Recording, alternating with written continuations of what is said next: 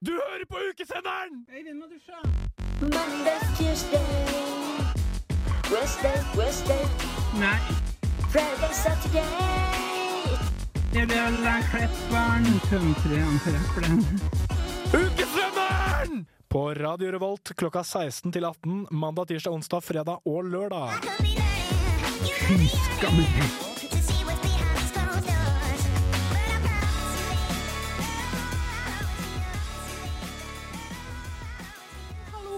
og velkommen til sending med lørdagssenderen, med ukesenderen.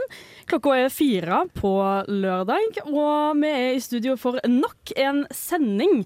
Eh, Jeg heter Elise, og jeg skal være programleder i dag, og med meg så har jeg Morten.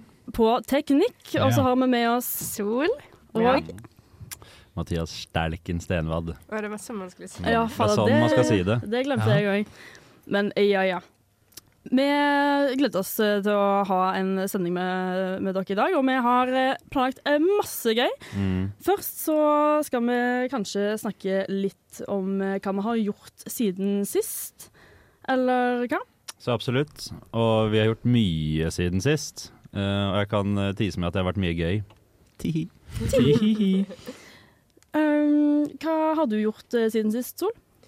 Jeg har vært syk Du har vært syk. over en uke. Jeg har faktisk ingenting annet å si enn det, og det har vært så kjedelig å være syk. Men nå er jeg faktisk tilbake igjen, og jeg gleder meg så mye. Så bare ikke være syk.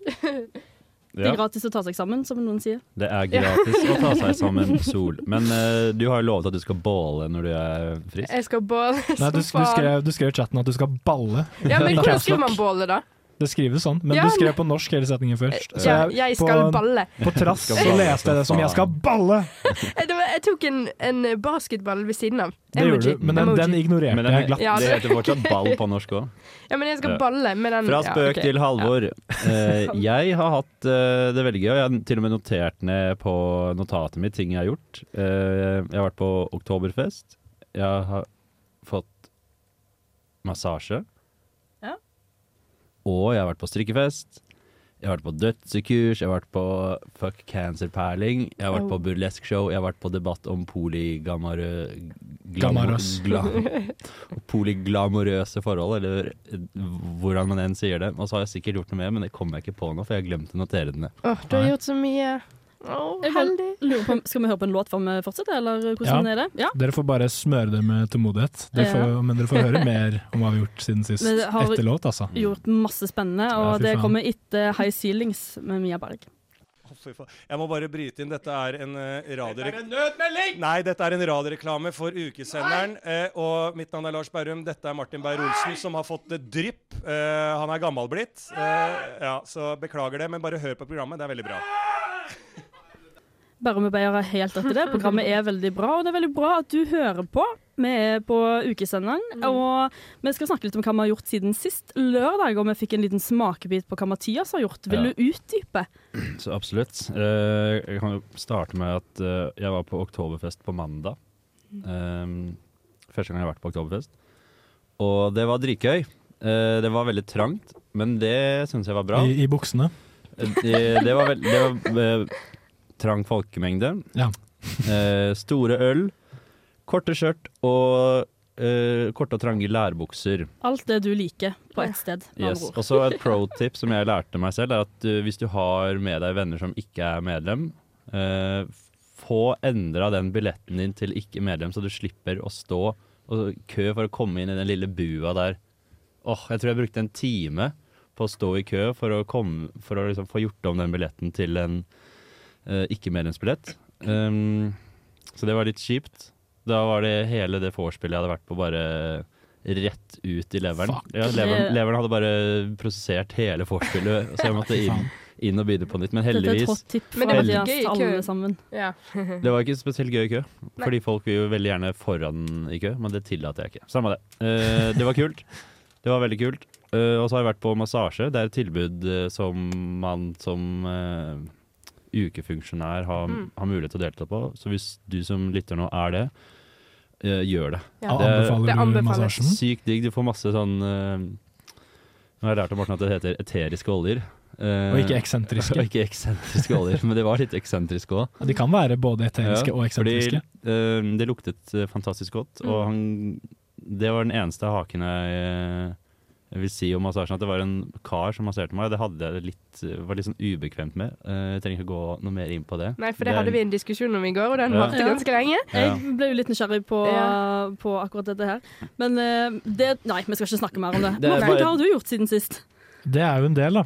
Eh, Det startet på Når var det? På mandag. Så var jeg på uh, uketrimmen Kickstart din buldring. Og fikk uh, buldra litt. Fikk et lite kurs. Fikk du kickstarta den? Eh, den, jeg må si at den allerede er kickstarta. Ikke for, ikke for å flekse hardt på dere, men jeg har klart en blå løype. Så ifølge det fargekartet deres så er jeg offisielt god. Ja, hva er blå? Er, er det middels, eller? Det er som å Eh. ha svart belte i taekwondo, bare i er, klatreverden. det er faktisk helt riktig. Det er som å ha svart belte i taekwondo, bare i klatreverden. Serr? Nei, det er ikke det. Det er, jeg, jeg kan ikke belte nå. Jeg glemmer alltid fargene. Jeg tror det går sånn gul, grønn, blå, Ja. eh, Og så får du Altså- striper Rød på sikkert til sist. rød, og så svart, og så hvit, Nei. tror jeg det er. Du blir eh, Å ja. Nei, nå snakker du om buldring. For jeg kan ikke det, men jeg Å ja, kan du snakker om uh, karate? eller ja, jeg enn. snakker om Ja. det. Ja. Ja. Mamma hadde svart belte. Oi. Hadde, men de, de tok det fra henne. Nei, hun har det fortsatt i skapet, liksom, men hun har jo ikke opprettholdt det. Bruker Må- det ikke til hverdags. Hun tar det på når hun skal kjefte på sol. Hvis ikke du kommer ned og spiser middagen din, så Piske med det svarte beltet. Men Eh, Sol, hva har du gjort siden sist, da, utenom å bli piska av det svarte beltet til moren din? Ja, og utenom ja, Jeg har vært mye hjemme og heklet, sittet og sett på Frustrerte fruer, for jeg har vært syk. Men jeg har fulgt veldig godt med på um, alt som har skjedd på Instagram uh, og sånn via, og på Snapchat. Og fulgt med. Så jeg føler jeg har vært med dere Du har fortsatt, fortsatt følt vibrasjonene Jeg har fra absolutt sofaen? følt vibrasjonene, Ja, det har vært kjempegøy å se på alt det gøye dere har gjort. Og jeg har spurt dere på forhånd om dere kunne filme litt for meg og sende det til meg. Men jeg har faktisk vært på massasje også. Og samme dag som Mathias var, Mm. med Jeg fikk damen, da, holdt jeg på å si. Eh, hun var kjempeflink, og um, det var veldig deilig. Så digg. Det var helt perfekt. Jeg har ja. veldig lyst til å gå på massasje, Mm. kjenner jeg når dere med- snakker om dette her. Hva med deg da, Lisa? Har du gjort noe artig siden sist? Ja. Ja, det vil jeg si. Jeg har òg vært på Oktoberfest. Eh, min tre, for tre ganger, så det var litt krampe. Og det var jo ja, artig, det. Jeg ble faktisk litt fullere enn jeg trodde. Men, eh, og det, den dirdelen, vanskelig ord, eh, den tenkte jeg at det, det har jo jeg i skapet. Det trenger jo ikke jeg å kjøpe. Hva kalte du det? Dirdel. Dirdel. Dirdel. Det er, det er den puppedrakten man den Det er puppedrakten, og det var Det er så gøy å gå med Den var trang. Ja. Digresjon, Men jeg en elsker å gå med det. Ja. Det er kanskje det mest horete nasjonalkostymet. Eller Ja, heter det er jo- nasjonaldrakten, da. Det er jo horegjort, på en måte. Ja, den Altså, ja, det det, er jo ikke sånn på ekte. Som i klovdyrhjort, var det det du sa? Eller hva? Ja, nei, OK, jeg vet ikke hva, hva jeg mener med det, men altså, det er jo blitt sånn. Det, de nasjon, En tilgriset ordentlige nasjonaldrakt. er jo ikke sånn. Men, ja, men det er, ikke, det er ikke den tyske nasjonaldrakten der, Er er det det? Er ikke det det? Nei, det vet Går, går de rundt sånn her på Nekter jeg, ges- tror jeg. Ja, Geschottene men de, ikke med akkurat disse, da, for vi har jo kjøpt en, som du sa. De er jo kjempejalla. Jeg har en venninne Ja. som er tysk, og hun har en ordentlig driddel. Ja. Eh, og den er dritfin, og Ja. egentlig ikke spesielt horete heller. Nei, det er det jeg Ja, mener. Men det er blitt fortsatt et snev av horeri i den. Ja, bitte litt. Den er Ja. jo kort. Og litt sånn litt puppegreier. Ja. Det er jo sånn Det, er jo, det ligner jo litt grann på bunad, på en måte. Bare at det er på en måte litt lettere. Ja. Men anbefaler dere Oktoberfest, eller er det litt sånn Det virker jo ekstremt slitsomt å begynne å drikke klokka hva faen, ti på nanda mandag Ja. midt i oktober. Ja, Ja, jeg vil jo det- kanskje ikke anbefale å ta på seg ullstrømpebukse under den eh, dirdelen, eh, og så kanskje droppe etterfest og dra hjem og drikke noe kakao etterpå. Ja. Ullhåsen. Det hørtes koselig ut. Jeg vil anbefale uka å sette det på en annen dag enn en mandag. Jeg. Ja. Det hadde heller ikke Ja, vært hva, så dumt. hva var Ja, greia med det? Ja. Det skjønner jeg ikke. Det er sikkert noen som har noe obligatorisk eh, lab eller et eller annet som de må på. Ja, ja. At av de som setter datoen, ja. At en av dem hadde de, lab. eh, Ja, de skal bare gefucke med alle fordi de ikke får dratt Det var, Det er det var som- gefucked up. Og, ja, men det er mange som dropper skole liksom, på den mandagen. Eller på denne mandagen. Men det er mange som har droppet, hoppet over obli obligatorisk opplegg og sånn. ja, jeg hadde Ja. folk på Force som droppa opplegg. Ja, akkurat. Ja. Folk går hardt ut, ass. Ja. Ja. Men det er jo som å dra på 17. mai-frokost. Den er jo også uh, Men da er det jo på morgenen. Da har man da har vi fri. Ja, det de er faen meg helt sant. man har fri, og så er det én gang i året, liksom. Det Det, er holder for meg, ass. det er jo Mm. akkurat det samme med Oktoberfest, bare at når man er student, så har man jo nesten fri hele tiden. Det er sant. Ja, ja. Jeg tror kanskje vi skal gå videre til å høre på en liten låt. Ja. Eh, vi skal God høre på idé. Safe and Sound av Pellicut, og så skal vi snakke litt mer om hva vi har gjort siden sist etter låta. Jeg heter Fetisha, og du hører på Radio Revolt. Det gjør du, og klokka er litt over fire en lørdags ettermiddag, og du hører på lørdagssenderen på ukesenderen. Vi har snakka litt om hva vi har gjort siden sist. Det er ikke rent lite. Ehm, folk har vært på oktoberfest, noen har vært litt syke, stakkars. Ehm, hva, hva har jeg gjort? Jeg har vært på oktoberfest. Uh, og så var jeg nettopp på revykavalkaden. Ja. Det var dritgøy. Oh. Jeg løp rett derfra og hit, og det er jo da en samling av ulike sketsjer og sanger fra tidligere revyer fra alle slags år. Det beste av det beste. Og det var så koselig! Ja. Det var kjempeartig. Og selvfølgelig ble jeg en liten lettrørt jerv på slutten. Åh. Da det er masse sanger er om Trondheim. Det er så koselig. ja, jeg misunnet deg veldig som skulle på det, faktisk. Det beste av det beste av revyer, liksom. Åh, det høres helt fantastisk ut. Det var en kjempebra Det var, det, var ikke, det var ikke et tørt jerveøye i salen. Ikke det eneste tørt jervøyet var i hadde, kunne jeg se. Jeg satt jo da framover, da, så jeg så ikke så mye. Introduserer de sketsjene med sånn OK, denne er fra denne og denne revyen? Ja, Sånn, Godt spørsmål. Ja, de hadde, de hadde jo um, video på hver side, og så fikk de opp uh, ukeplakaten fra det året den var fra, ja. tror jeg. Men så hørte jeg en sang, og så tenkte jeg den er vel ikke fra det året, for den, men det kan være at de har laga en liten remix av den, eller at den bare virka litt kjent. Men ja, så man fikk jo på en måte vite når han var fra, men de introduserte ikke. Og det var veldig mye sånn, de hadde miksa opp litt Trondheim-sanger fra ulike år, så det ble liksom én stor sang, og Nei, det var masse artig, så det anbefales på det varmeste. Hva var den eldste sketsjen de tok med? Oi, det var kanskje fra uh, 45, fra Go Oi. Ahead. Ja. Da Herregud. var det en som ble rulla inn, inn på dødsleiet, han som spilte den sketsjen. I, sy Ja, ja. i sykesengen. Nei, det er ikke de samme skuespillerne Nei, nei, nei, Jo, jo. Det er jo ikke det. Nei, det er ikke ikke det. fy faen. Det er nåværende skuespiller, ja. Mm. Nei, de er jo sikkert veldig dårlige til beins, mange av de. Oh, som har det, hadde vært, det hadde vært sykt hvis det hadde vært Det hadde vært Ja. sykt å melde hvis det var det samme. Jeg føler jeg har rullet. At jeg har fått øynene litt mer opp for revy eh, etter eh, uka. Jeg har egentlig kun eh, kjennskap til revy gjennom eh, videregående. Ja. Så jeg var da på den uh, urpremieren um, forrige uke, tror jeg det var. Mm. Og da var jeg sånn Oi! Faen, revy er jo uh, artig, Mm. Det er kjempeartig. Fordi de, de har sett på videregående, har vært sånn Åh, jeg har så lyst til å le, men jeg bare får det ikke til, for det, er, det, det er ikke morsomme. Ja, det, er en vond, det er en vond følelse å sitte i Ja. den salen Ja, og være sånn, er bare sånn. Vær så snill, kan ikke neste sketsj Ja. være morsom? Men jeg Men- har hørt at Ukarevyen er ganske bra. Da har du hørt helt riktig. Helt Ja. riktig, for Ja. den var veldig morsom. Jeg lo mye, så jeg tenkte sånn Åh, jeg trenger kanskje ikke å gå på gymnes. Absa er helt sprengt. Ja, det var såpass, ja. Ja, jeg lo masse. Herregud, Men men, var da du må jeg gå. dehydrert etter å ha grått? Jeg gråt en ikke. Jeg gråt ikke. Ja. Nei, det I var ikke så trist. motsetning til mange ja. som sikkert har sett revyen, for det er, uten å spoile, da, men det er en sånn veldig rørende avslutning. Ja. Um, Som er relatert. Jeg gjetter at den er relatert til covid-19, kanskje? nei, Nei! den er faktisk ikke. relatert til ukenavn u, Uka det, eh, Den er sånn man sier, relatert til sånn, sprekken sånn man sier det på ukaspråket. Det sprekknavnet. Ja. Ehm, om et eller annet nytt og gammelt og Mm. noe sånt. Men jeg har ikke vært i Trondheim lenge nok til å ha noe skikkelig sånn patriotisk eh, Nei. ok, okay så det er sånn, det er sånn uh, livet går videre, og det skiftes ut mennesker, og Ja. det, er litt sånn, det kan bli litt rørende. Ja. Ja. Faen, jeg tror jeg kommer til å bli rørt av det. Og Ja. sangen var litt rør. Altså, sangen var på en måte fin. Sånn fine akkorder og sånn. Det var liksom Ja. Og så er de jo så dyktige, ja. så det er jo så fint å høre på. Mm. En annen ting Jeg jeg har vært på, er debatt polyglamorøst. Mm. Yeah. Det var ganske spennende. Det var i Baccarat. Eh, Det var eh, en biolog, en, eh, en polydame fra Poli Norge og en fra KrFU Ja, som skulle KrFU, debattere og formidle vitenskap og meninger og alt det som er på en debatt. Der var jo dere òg, Morten og Mathias. Det var vi, og vi var der eh, som presse, så vi hadde et kjempekritisk blikk på den debatten. Som for øvrig kanskje ikke kan kalles en debatt, fordi det var mer skiftende monologer. Ja. Eh, Dessverre. ja. Jeg hadde håpet på skikkelig hett, eh, hett spill mellom hun som representerte Pol i Norge og eh, han som var eh, medlem i KrFU. Ja, fordi det, det var liksom tilløp til det i Mhm. løpet av eh, debatten. Men jeg føler at sånn hver gang det nesten ble en direkte diskusjon mellom to parter, hvor de faktisk sa ting de mente, og ikke bare ting de hadde øvd inn, så ble det litt sånn avbrutt. da. Ja. Og det var litt, eh, det var litt leit. Enig, og Mm. jeg tror at de kanskje hadde tenkt at han fra KrFU skulle være litt mer konservativ enn han yeah. egentlig var. Jeg følte han var, han var litt litt liberal.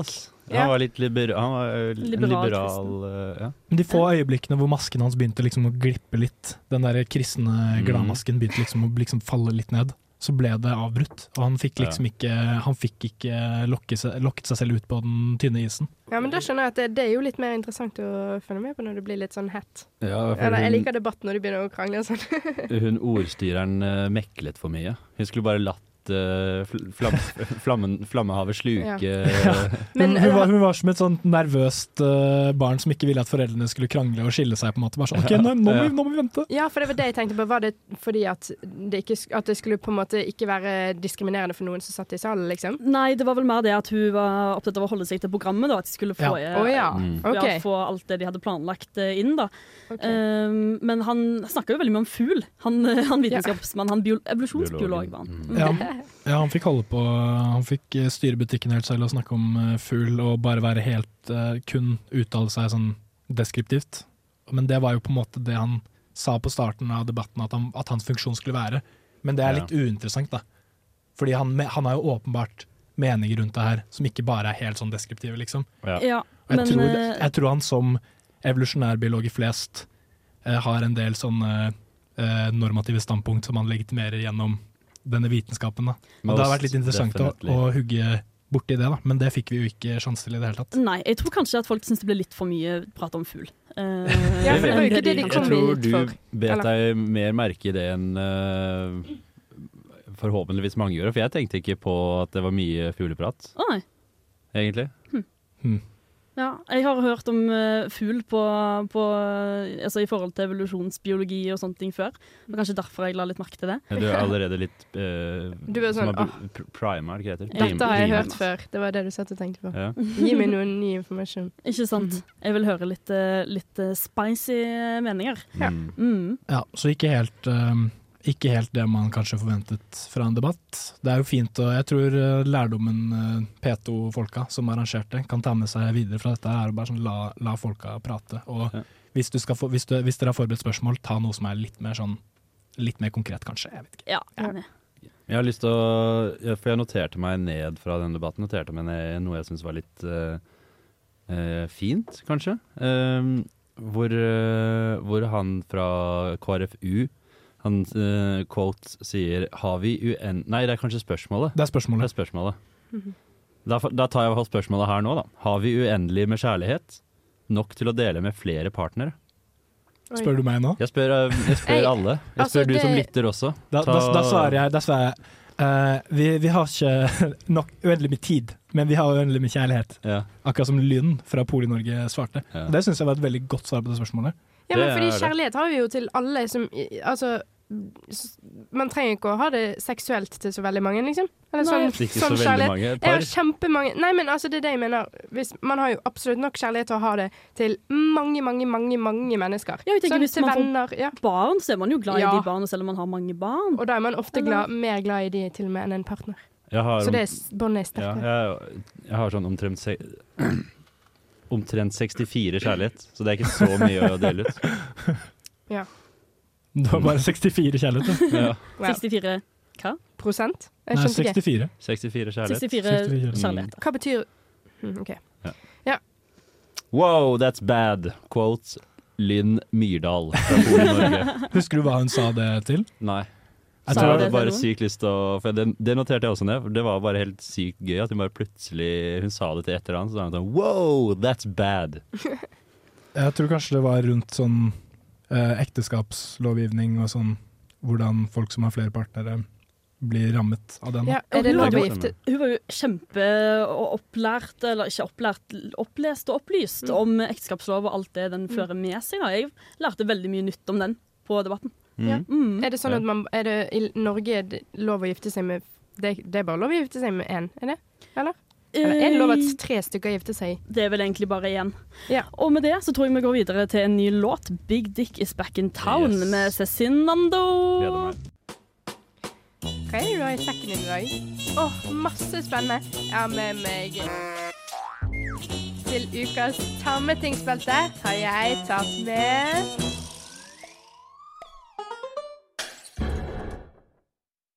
du hører på ukesenderen med lørdagssenderen, eller kanskje motsatt. Vi er her i studio, klokka er halv fem, og det er tid for Ta med dag! Og Ja i dag så er det jeg som har tatt med en ting. Trommevirvel. Jeg skal bare flekke det opp av sekken. Oi, hva er det du har tatt i sengen din? Ta-da! Pre-workout? Dagens tameting Kokain. er en ting Kokain. En, eh, en pre-workout jeg kjøpte for en ganske god stund siden fordi jeg skulle spare penger på uh, energidrikk i eksamensperioden. Tenkte Pre-workout. Wow. det er veien å gå. Ja. Uh, gikk på en eller annen treningsside og fant uh, det som var på tilbud, og det er ekstremt eh, markedsført til jenter. Ja. Ja. Liker du ikke kaffe? Jo, liker kaffe, men uh, da må man ha så mange kopper, og man trenger liksom en liten boost om En morgenen. kopp? Ja, mange. Nei, men dette er jo mye sterkere òg. Ja. Okay, en, en, eh, en beskrivelse av En pre-workouten til eh, Elise. Fordi den boksen her, av de pre-workene jeg har sett, så er den ofte helt svart. Og så er det kanskje bilde av en sånn monsteraktig figur på, og så står det sånn Extreme power! XXX! Og det var det som fanga min oppmerksomhet, for den her skilte seg sånn ut. Og jeg syns òg det var ekstremt kleint at det er markedsført sånn til jenter, fordi den er altså rosa. Mm. Og på denne voksen så står det 'Starburst bitch slap' Bitch slap! For det er det vi kan gjøre. Oh Bitch-slappe. Oh til det beste. Nydelig smak av unicorn tears. Nei. Hva faen er det? Nei. Ja. Jervtårer? Det er jervtårer med en unik oppskrift designet for jenter og deres behov. Ikke damer, ikke kvinner, men Nei. jenter. Ja. Men på advarselen står det det skal ikke inntas av mindreårige, gravide eller ammende. Ja. Um, Hva slags behov er det på en måte jenter uh, søker i en pre-workout som er annerledes enn uh, Med- gutter? Med unicorn tears. tenkte jeg òg. Uh, Syns det var kjempekleint. Ja. Syns heller ikke han var så veldig god, men jeg har jo da selvfølgelig blanda opp en batch, sånn at dere skal få smake på den. Så Å, faen. Fytti grisen. Jeg jeg få- kommer til å få så jævlig koffeinskjelva. Dette er jo perler. Det, Ja, fordi at den er kjempegammel, så den har liksom blitt oh, ja. litt uh, ja, jeg den trodde det var liksom tears fordi det er perler. Nei. Uh, tøm opp i koppene deres. Jeg skal sende den rundt. Takk. Nå heller Elise en eh, blå, litt sånn tyktflytende substans Oi, oppi disse Jeg elsker blå. kaffekoppene. Jeg vet ikke hva blandingsforhold jeg har brukt. Jeg bare er- putter den oppi. Den væsken her ser ut som det vannet som er igjen når du har drevet med vannmaling, og du dypper penselen. Jeg Ja. elsker blå var- ting. Blå ting som går inn i munnen. Holdt jeg på å si. Sånn blå, eh, blå slikkepinne. Det er min favorittslikkepinne. Det lukter helt hinsides. Og det jeg vil at vi skal gjøre, da, er at vi skal prøve å beskrive hva er det unicorn Oi. tears smaker. Det lukter uh, grapefrukt. Da tar jeg en slurk. Ja. Vi tar en slurk. Eller, jeg vet ikke. Det er kunstig, altså. Å, fy faen. Det er kunstig. Syns dere det var godt? Jeg syns det var litt digg. Nei, du syns det? Ja. Det, gærning. det smakte som eh, blå slush, som bare Ja. er ferdig med å være slush Ja. og har blitt tinet. Men jeg liker veldig godt kunstige ting, for jeg er skikkelig snopegris. Så alt som er utrolig søtt, det liker jeg. Men jeg vet ikke om jeg hadde orket å drikke dette her. Balme denne her på morgenen. Faktisk. Da blir Ja. man nesten vond i magen. Mm. Hva syns du, Mathias? Jeg syns det var helt grusomt. Hæ? Men, men lik, liker du blå slush? Eller slush? Uh, ja, for Eller It's all right, I guess. It's alright. Blir Men man smaker du unicorn tears? Uh, nei, fordi eh, sist jeg drakk unicorn tears, så smakte det um, en blanding av uh, syltet rødløk og agurk. Det smaker litt mer sånn unicorn uh, pre-cum, kanskje. Ja. Ja. Ja, Oh, ja, ja! Det er sant. Ja. Sweet and Mm. savory. And A, a little bit salty. Litt, litt Avvik. litt seigt. Legg den død. Det var avvik. Jeg, Jeg tror, syns jeg, det det var kjempegodt, jeg. jeg tror jeg tar resten av den lille koppen jeg fikk, men da blir jo resten av sendingen blir jo crazy nå, da.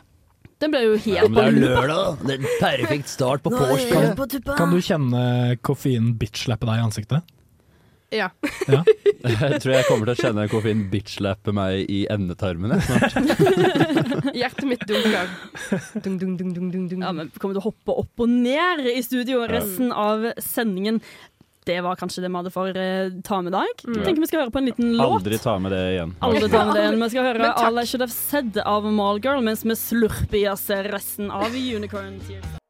Hei, oraklet fra Uhu. Jeg er fly forbanna, og du hører på Radio Revolt. Herre radiokanalen her er Radio Revolt. Jeg er oraklet i Uhu, jeg er veldig forbanna. Jeg er fly forbanna. Jeg er så sint.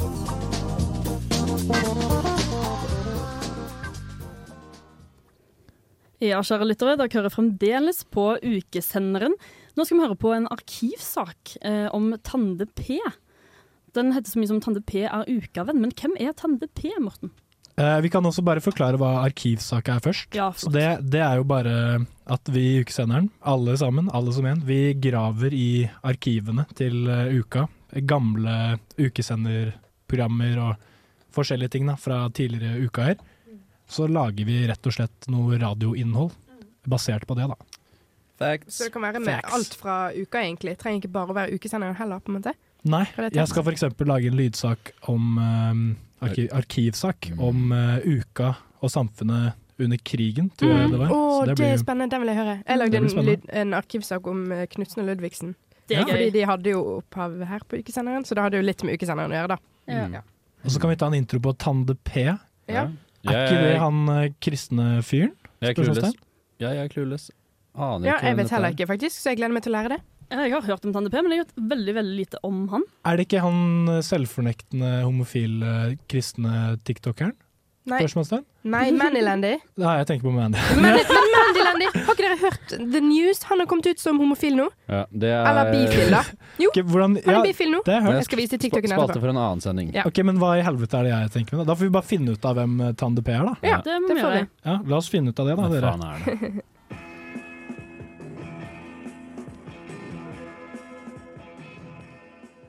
Tande-P. Jeg kjenner at det er litt skummelt for meg, som en ordinær Oslo-jente, hvilket er her i denne bartebyen for å opptjene meg litt studiepoeng, kanskje noen nye venner og forhåpentligvis nye erfaringer og perspektiver. Og det å da skulle grave ned i Tande-P sin historie, det skremmer meg. For jeg har virkelig skjønt at han er en legende for folket her i Trondheim, og Trøndelag generelt. Når jeg søker opp Tande-P på Google, er Wikipedia-siden hans på engelsk. Noe som forteller meg at dette er en mann av et slikt kaliber at alle engelsktalende mennesker skal kunne vite at Alf Tande Peterson, nicknamed Tandy P, born 9th October 1950, is a Norwegian television personality, journalist, writer, and business person.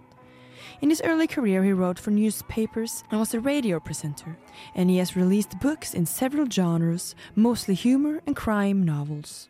He was also behind various reviews and stage shows. As a television presenter, he was very successful, speaking in 1992 with the show Tande på programmet, which at times was viewed by almost half of Norway's population. He also had a business venture as a restaurant owner, but after three years, the companies went bankrupt. Og ikke bare har Tande P en engelsk Wikipedia-side, han har også en norsk ikke-pedia-side. På Wikipedia-siden til Tande P står det Alf Tande Petersen er en svært elegant og flott herremann som anses for å være tidenes beste programleder. Han er best kjent for sine opptredener i TV-programmer som Hodejegerne og Tande på programmet, hvor han stadig vekk dro frem selve kjennetegnet hans, nemlig tandelatteren. Han har også skrevet krim. Og hvis du lurer på hva tandelatteren er, så står det også på Wikipedia-siden hans. Tandelatter handler om å le mest mulig på kortest mulig tid, ofte bare et høyt hæ, mens vanligste formen er dobbelen. Eksperter advarer mot å stå med øret nær munnen til en person som utfører en tandelatter, da dette kan gi varig hørselsskade. I verste fall komplett døvhet. Men hvorfor prater jeg om Tande P, spør du. Hva har Tande P med Uka, Norges største kulturfestival, å gjøre, spør du? Jo, det skal du få vite nå. Tande P har vært en ukavenn i mange tiår. Allerede på 90-tallet var Tande P med på å fremme ukesenderen. Går det an å sende en hilsen hjem? Ja, gjør det nå, Tanne Pedersen. Ja, for eh, jeg lurer på om fatteren sitter hjemme og tror at jeg kommer hjem og henter krabbe. Det gjør jeg ikke. Nei. Så må bare legge dem inn i fryseren igjen. Ja, eller spise dem opp. Den Nei, det makter jeg ikke, for at jeg ba om fem. Dette er vel et eh, bevis på eh, den muligheten som nærradioen har. Det han sa nå. Det eh, ja. Ja, det var veldig nært. ja, men det jeg mener altså er Har dere en mulighet for at folk kan ringe inn? Jo, Hvilket nummer kan dere ringe inn på? ja, hvis noen nå vil snakke med Alf Tande Pedersen eller Totto Osvold, Jeg var ikke sånn ment. så, Det så, var, sånn ment. så skal de få lov nå en liten stund fremover å ringe 30432. Så skal vi prøve å løfte av røret her og få en samtale ut av det. Dere er på lufta i kveld òg? på lufta i kveld òg, ja. Ja, man må følge med på ukesenderen. Ja, Ukesenderen er her. Altså, vi, vi har eh, liksom bare koblet oss innpå, vi. Ja, riktig. Ja. Så du kommer her og konkurrerer med oss i Trondheim, altså? Hva, hva gjør vi? Konkurrer, du kommer og konkurrerer med oss i Trondheim, si? Nei, det skal jeg fortelle en ting. Altså, Vi er her oppe fordi at på fredag eh, førstkommende, det er eh, om to dager, så skal vi sende en eh, sending eh, som skal omhandle studenteruka i Trondheim. Fra ti på eh, elleve, vel, til ett. Det er dampradio, kalles den radioen, og den går på riksnettet. Og etterpå det så- P1? Ja. Så kjører de herfra igjen. Ja, det høres jo positiv, positivt ut. Ja, hva du si? Ja, har du noe artig å fortelle, da? Nei, artig og artig. Uka er jo artig i seg selv, den. Ja, hva gjør du på en kveld som denne? Nei, akkurat nå sitter jeg bare og sløver foran leser. Hva gjør du foran PC-en, sa du? Nei, jeg sitter bare og sløver ned og leser en bok. Du sløver foran PC-en, ja. Ja. Det er alt jeg gjør på en sen kveld. Jo, men det høres jo hyggelig ut. Ja. Og det gjør du alene, eller? Ja, det gjør jeg helt alene sammen med min hund. Sammen med? Min hund? Sammen med din hund, ja. Jo, men det var jo hyggelig at du ringte. Ja. Ja. Det var artig at han hadde flaks å komme gjennom òg, da. Takk skal du ha. Lykke til videre. Ha det godt. Ha det. Hei. Hei. På Dampradioen dekket altså Tande P sammen med radiokollega Totto Osvald studenteruka i Trondheim på riksnettet, eller P1. I senere tid har Tande P også vært delaktig under noen av ukas arrangementer, blant annet Bingo på Samfunnet. Og da uka i 2015 annonserte P-fest, altså en felleskonsert med de tre store P-ene i norsk musikk, Onkel P, Admiral P og Store P, var det stor etterspørsel etter Tande P som medvirker. Og Tande P er jo heller ikke helt fremmed for disse artistenes sjanger. Ungdommen er eksperter på PC-er og data og knytter nyttige tråder til utenlandske stater. Og at Tande P er en ukavenn, fikk vi virkelig konstatert da mannen selv skrøt uka, eller studenteruka som han kaller det, opp i skyene i 2015. Ja, men det, det, du vet at, at jeg vokste opp med studenteruka, det, det er så flott. Det er et flott tiltak. og, og jeg er så glad for at dere gjør akkurat det her, selv om det ikke kom så mange seniorer, men desto flere unge folk. Men det at dere vil nå ut til byen, for det har uka eh, vært et kjennetegn på uka gjennom alle år, og det at den har eh, faktisk inkludert byen. Og det skal dere ha all ære for. Tande P digger uka, og uka digger Tande P. Og hvem vet, kanskje blir det en reunion mellom oss under uka 2025? Jeg er Fredrik Solvang, og du hører på Radio Revolt. Det gjør du, og vi fikk jo nå lære litt om hvem Tande P faktisk var. Ikke Manilandy, som eh, Morten gjorde. Ja, hva, hva, faen, hva faen var det? Det var ukulturelt av deg. Det var jeg er et ukultivert svin, ja. Ja, det er du. Men så kult å høre at det har vært så store kulturpersonligheter med i ukesenderen tidligere, da. Ja. ja det er kjempefett. Um, vi skal videre til en ny greie. Vi snakka om, um, om flørtekurs sist sending. Det skal altså være et flørtekurs uh, under uka. Arrangert av en som heter Andreas, en litt mystisk type. Viser seg at uh, Andreas med flørtekurset har masse opplegg for uh, hvordan man kan bli den ultimate sjekkeren og virkelig få det på. Vi har eh, funnet ut at han har et eget forum, og jeg har laga meg en bruker. Og vi har tatt et lite dypdykk i dette her. Morten, har du funnet noe snacks på forumet? Eh, det har jeg, skjønner du. Og jeg, jeg fant en artikkel her også som eh, sier at han starta forumet i 2006. Oi. Så han har holdt på med dette her i veldig veldig lang tid, da. Han Andreas. Og jeg har også, jeg har også prøvd å få tak i ham eh, til å komme på intervju her. Eh, skrev en ganske koselig mail bare sånn Hei, jeg ser at Andreas skal holde sjekkekurs i forbindelse med uka. Vi er veldig interessert i å ta en liten prat med ham. Har han lyst til å komme på intervju? Og så har jeg fått et litt sånn uh, avvisende svar, kan man si. da. Den mailen ble videresendt til ham, og så har han skrevet sånn han har, skrevet, han har svart ja, det kan hende, men jeg vet ikke helt når jeg er der og hvordan dagen blir ennå. Så han, jeg tror ikke han er så jævlig gira på å prate med oss, egentlig. Men det var ikke et hardt nei heller, da. Nei, Nei. men måten han svarer på er kanskje litt sånn flørtende også. Fuck, kanskje han, blu, han kanskje han, get. han blueballer oss litt med vilje? Ja. Ah. Så det blir enda diggere når vi får han inn her, liksom. Ja, shit, fordi jeg vansmekter etter hans nærhet eh, nå, kjenner jeg. Etter denne lille avvisningen. Ja, Mm. Så uh, følg med. Forhåpentligvis så har vi en flørtemester i, eh, i studio neste lørdag. Forhåpentligvis. Men uh, før det så kan vi jo nøye oss med litt snacks fra forumet, da. Som Mm. uh, på den nettsiden han startet i 2006. Og jeg skal la dere velge. Jeg har funnet veldig mye juicy threads. Mm. Det er jeg gira på å høre noe om. Få Den- starten Den på. første tråden den heter Den har overskrift 'Jenter kun opptatt av utseende'. Started by Male Oslo. Eh, neste er 'Fikk superorgasme'. Started by Skinny. vi tar den. Vi tar den. Hvordan klarte han å få superorgasme? Altså, jeg, vet- jeg vet ikke. Hvis det det var en han Ja, ja for jenter får jo superorgasme Ja, hver Ja, gang. det får Morten. I forhold til menn. Jeg antar jo dette er en mann som har skrevet dette her. Ja, det gjør jeg òg. Hvorfor antar vi det? Bruk, brukernavnet er i hvert fall Skinny. Det kan jo både være en mann og en dame, det. Det kan det. Men uh, Skinny skriver i hvert fall uh, følgende, da. I går opplevde jeg å få superorgasme. Helt annerledes enn alt jeg har opplevd. Det startet på fredag. Et par, en gutt og en jente, holdt, nei, holdt, holdt med meg gjennom hele fredagskvelden, eh, lørdagen. Uh, liten pause midt på dagen. Så startet dem igjen lørdag ettermiddag. Dem teaset orgasmen hele tiden. Stoppet rett før det gikk, stoppet rett før det gikk for meg. Holdt på å bli gal, men søndag formiddag lot dem det stå til. Jeg, jeg spente kroppen min i bue og hylskreik idet orgasmen kom. Hva er dette for noe? Så det da? Orgasmen varte i evigheter, flere minutter før jeg kollapset av total utmattelse. Smile-emoji. Men så han Eller hun Det er en trekant, da? det er jo sånn. Ja. Det er helt sykt. Og de har altså, teaset han i hele helgen. satt av en langhelg for å bygge opp en, en, krum, en krumrigga superorgasme. Du, du får ikke kroppen i bue! Ja, men du spenner kroppen i bue. Man får ikke komme før søndagen. Det var, det var Ja. kommedagen. Det var også det. Gud sa.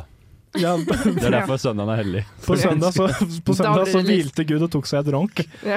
Tok seg en superorgasme. Han hadde jobba, han hadde jobba på hele uka, så han tok seg et velfortjent ronk på Oh my god. Eh, hele uken. Det jeg lurer på, er på en måte sånn OK, han poster dette på forumet, hva er det han lurer på, egentlig? Ja, det? Han ikke bare Han skulle bare skryte. skryte. Fordi, uh, jeg, les, jeg leser nå i neste han, du, han, han, han innser at han ikke legitimerer helt at han har posta dette på forumet. Altså Så neste post på dette forumet er, nei, på denne tråden er andre som har erfaringer med superorgasmer, Ja. som overgår alt annet enn dere har opplevd. Hva gjorde dere for å få den store orgasmen som overgikk alt annet? Spørsmålstegn, utropstegn. det spørsmålet. Jeg tror dette her er en ren skrytepost, altså. Ja, det Han høres skal ut bare flekse at han har fått det til. Fordi han har ikke fått så veldig mye svar, altså. Det er én, Josep, understrek, har skrevet ja, jeg har opplevd, i, jeg har opplevd en orgasme som varte i fire timer. Nei. Det var en foss av energi som fløt gjennom hele kroppen min, helt fra hodet til tærne, parentes ikke samtidig. Det starta nede ved kjønnsorganet, parentes slutt. Etterpå var jeg helt tom for energi, og jeg klarte ikke å holde meg på bena. Dette kom mens jeg ble sugd. Fire timers Fire lang timer. sugesession. Er det mulig? Det hørtes jo kjempeslitsomt Ja, ut. det, Det ja, det var slitsomt. Hallo? Ja, jeg vet ikke helt om dette er noe jeg er så keen på. Det er liksom fire timer med kømming, liksom. Det Nei, det virker jo OK, litt nice, da. Men eh, Det det er virker- slitsomt. Hvis det er en Det evigvarende tilstrømning av sæd, så takker er, jeg pent nei. det er frem Nei, med baderomsnalen. Ja. Da ble det veldig skittent her. Jeg tror Ja. vi går Ja. videre Vi til en. Låt. I Wish I Cared av Milliane Milky Way, og vi klapper den ut. Hei, jeg heter Linn Skåber, og dere hører på Radio Revolt. Det gjør du, og mer spesifikt så hører du på Ukesenderen. Klokka er snart fem på en lørdag, og her i studio så har vi med oss flotte folk. En ting som har skjedd eh, denne uken, er at eh, Berrum og Beyer har vært på huset. Og snakke om greier. Det å snakke om greier. Mm. Jepp. Og Ja. det var sikkert funny. Var noen av dere der? Nei. Nei. Nei, det er et Det er nei synd, for for det hadde meg. jeg hatt veldig lyst til. Enig, vi fikk ikke billett. Ja, de er funny. De er jævlig funny. Eh, men heldigvis så har noen, ikke oss, men noen andre, vært på Barumbayer. Ja. Og de har laga en liten lydsak til oss Mhm. etter at de har vært her. Og den skal vi få høre på nå. Jeg gleder meg Kjør sak. Let's go. Bærum og Beyer, Bærum og Beyer, Bærum og Beyer, den er grei. Tjo, hei! Det du skal få høre nå, er et intervju gjort av Terje Tafseren Tønne og Inger Ingsten Hugsted backstage med Bærum og Beyer mellom deres to utsolgte liveshow i Storsalen. Og hvis du vil høre mer, så kommer det også en bonusepisode utgitt på din favoritt-podkastplattform. God lytt. Så vi kan starte med det åpenbare. Det er for det første, kanskje lurer vi på eh, Fortell litt om Spektrum, for de som ikke var der. Hvordan var det å være den eneste podkasten i Norge som har fylt Spektrum? Eh, Det, det er en helt sinnssyk opplevelse. Og vi er jo ganske stolte av å ha fått til å fylle Spektrum. Og det er jo fordi vi har eh, så mange fantastiske lyttere som er med oss. Så vi er jo et vinnerlag, alle 8000 og alle andre som også hører på. Og eh, vi må jo si at eh, vi var jo veldig spent på for det første alt det tekniske. Sånn, eh, fordi det er ikke bare Én ting er å trykke rekord eh, og ta opp en podkast, men når du skal ha tre skjermer, det er så mange folk i sving, så er det helt sånn eh, Så det er ganske mye angst for eh, Går det? Men det gikk. Det gikk. Ja. Og jeg har da hatt eh, Vi vi er veldig yin-yang, og det er veldig viktig eh, for oss. Så jeg har, jeg har vært veldig angstfull etter, jeg. Jeg er ganske rolig i forkant og er liksom både kol- eh, ordner og styrer og har det bra og har troa på at alt det tekniske går. Vi har med 55 stykk på scenen. Det er en musikal som skal gås av. Alt er i mm, Eh, alt kan gå gærent, eh, men eh, det gjorde det ikke. Og så en eller annen rar grunn så har jeg vært angstfull etterpå. Og nå er Martin jævla glad, så vi bytter på. Ja, bytter på. Ja. Det er alltid en med angst. Det er som det skal være en god duo, det er ikke det? Ja. Hvem av dere har angst akkurat nå? Nei, jeg tror det er meg. Men det er jo litt eh, oppfølgingsspørsmål til det, da, for dere har jo, du Martin har jo vært kjent at du har vært utbrent. Ja, ja, Eh, og jeg så jo på din Instagram-story i dag, Lars, at eh, det første dere gjør da, etter et fullsolgt Spektrum med da, din kanskje angst nå, og Martin sin før show, er jo å ha da to show i Trondheim. Er det bare Management som har sørga for det her, eller er det liksom en vellagt plan på deres? Akkurat dette tror jeg er Bærum Booking, altså. Eh, ja, det er dessverre det. Men eh, når det er sagt, så er både jeg og Martin veldig veldig glad i samfunnet. da. Ja. Eh, og Trondheim generelt. Hvis det er soloshow, så er det alltid sånn yndlings stoppested. Eh, så eh, man blir, eh, dette er en av de få tingene Bærum Booking har gjort som Martin ikke har uh, himla med øynene på. Altså, her var det sånn Ja, men det blir jo hyggelig. Det blir gøy. Ja. Så vi har jo tidligere Altså, det må si, det er altså eneste gangen jeg og Martin har klippa bort noe i podkasten, er når vi nevnte uh, som omhandler ja, og vi var overivrige på tingene der, og, og fikk en henvendelse. Og det er, eh, da var vi i NRK. Det er tungromt å få klippa altså sånn redaksjonelt også. Men vi ba på våre knær om at det ville vi, for det, eh, eh, vi ville ikke skape trøbbel for eh, dette stedet her. Det er, Så mye elsker vi dette stedet. Ja. Det vil jo kanskje sikkert de Nå skal dere ha et show til, da, men de som var her, hva syns dere om publikum? Er det, er det noe ålreit å s- showe foran? Ja, ja, og, og, Trondheim alltid veldig høyt nivå, men i dag, det brølet som møter oss der, er jo Det er så mye kjærlighet i det at uh, man blir veldig varm om eh, hjerterota. Det var et fantastisk publikum. Dette var kun en smakebit av det artige intervjuet jeg og Terje fikk ha med Martin Beyer-Olsen og Lars Berrum mellom deres to liveshows i eh, Trondheim Storsalen den 12. oktober. Hvis du vil høre mer om eh, eksempelvis hvordan det går med hytta til Lars, Og, og, og, og, og det blir tett, ja. Eh, ja, ja. hvem de liker best av Fetisha og Sofie Elise, Uvenner, ja. De er uvenner, ja. Faen, det er derfor det var så spennende. Ja, ja. eller hva Lars mener egentlig kan hjelpe.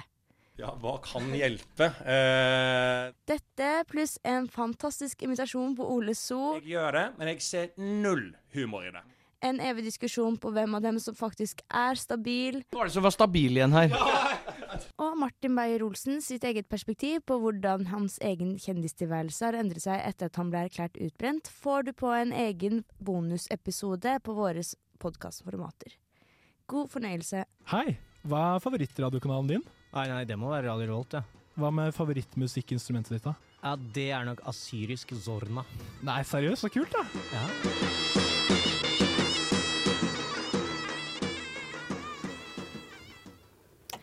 Yes, velkommen tilbake til ukesenderen. Vi har fått med oss en ukefunk her i dag. Vil du introdusere deg selv? Ja, det kan jeg gjøre. Eh, Jeg heter eh, Harald. jobber i Eller det er jo ikke jobb, er frivillig i uka eh, som kostymeslusk. Oi. Så eh, Slusk? Ja, Slusk. Det er fint ord. Yes. Ja. Ja, jeg måtte google slusk eh, etter jeg hadde fått stillingen. For jeg tenkte at før jeg fikk det, så var det ikke så vits å sjekke det opp. Men eh, slusk, det er en eh, slyngelaktig person, eller en eh, omstrykende arbeidskar. Eh, så da er jeg en eh, slyngelaktig kostymearbeider. Eh, og det jeg egentlig gjør, er at jeg jobber i revyen eh, med å hjelpe kostyme eh, Med å holde styr på kostymene backstage og hjelpe skuespillerne å skifte. Ja, fordi det å, med kostymeskift det må jo gå rimelig kjapt. Det går kjempekjapt på noen ting, og noen ting har de mye tid på. Så vi jobber veldig mye med det som heter stresskift. Mm. Eh, så vi har si, det skal være, De har et helt annet kostyme. Grunnkostyme er det liksom de starter med, det, eller GK som vi kaller det. De er i grunnkostyme. Og så er det en eh, 20 minutter jingle mellom to sketsjer, eh, eller åpningsnummer og en sketsj, og så skal de være noe helt annet. Mm. Og da må vi stå klare med akkurat det de trenger. Vi har gjerne øvd inn en rutine med skuespilleren. Hvor vi har liksom OK, først av med høyre sko, så venstre sko. Så gir jeg deg buksa, så gjør jeg klar genseren. Så får du genseren over, så tar vi brillene over, så tar vi brillene på. Og så skal du ut. Dette er tima og tilrettelagt til nederste detalj, altså. Men hvordan, eh, hvordan implementeres sluskeelementet i denne jobben? Ja, det, det er et godt spørsmål, eh, og det vet jeg ikke helt. Jeg vet ikke helt hvorfor det heter kostymeslusk. Mange eh, kjenner det kanskje fra skolerevyer som påkleder. Mm. Men det heter kostymeslusk, og det er egentlig bare mm, en backstage hand, altså kulissearbeiderne kalles jo gjerne bare kulisse. Og så har vi andre slusker som heter myggslusk. Og Mm. de sluskene de jobber kun med mikrofonen til skuespillerne, myggen. Eh, og hvis dere har sett revyen, så vet dere kanskje at av og til så må den av og på for ikke å bli Mm. våt. Og da er det de som har på en måte ansvar for det, da. Mm. Ja, og slusk er Jeg ser for meg at det kanskje kan være litt fordi at hvis man har vervet som kostyme vet ikke, Lager kostymene. Ja, det er jo noen som lager ja. Så for å ikke ta over det at For nå trodde jeg at du kom inn her og hadde laget hjulpet til med å sy, liksom. Men du har øvd deg på å kle av og på, da. Ja, Men, så du er veldig god på å gjøre det veldig raskt. veldig god på Jeg har blitt veldig nice. god på det. Og så Ja. har jeg Har du bedrevet mye egentrening hjemme? Du, det har selv? jeg. Eh, og det var egentlig det jeg solgte meg inn på når jeg søkte. Det her er jo et sjetteopptaksverk. Du bare kledde av deg på intervjuet. Bare. Sjekk der. Bare Det er Oi, funny. der var han i. Eh, jeg hadde ikke hørt om avviksmelding før etter intervjuet, så da gikk det fint. Eh, nei, ehm, det jeg gjorde var at jeg hadde en powerpoint eh, hvor jeg hadde mine nøkkelkvalifikasjoner, og der var det blant annet eh, jeg kler på meg hver morgen, jeg kler av meg hver kveld. Det har jeg gjort i mange år. Og jeg eier et klesskap. Så jeg hadde Det var mine mm, nøkkelpunkter. Da, for å bli overkvalifisert, rett og slett. Rett og slett. Altså, Sykt creds å stille opp på intervju med en powerpoint. altså, det er det sjukeste jeg har hørt. Nei, jeg må melde at jeg gjorde også det til opptak til Ukesenderen. Er det sant? Wow. Og tatt opp ble du jo. Ja, ja, ja. Det ble du. Ja, og jeg ble også det, så da tenker jeg vi er 100% powerpoint. Det må jeg bare anbefale, altså. Ja. Mm, godt tips hvis man skal søke verv. Ja. Absolutt. Mm, men eh, hvor lang tid tar det gjennomsnittlige stresskift? Var det det det heter? Ja.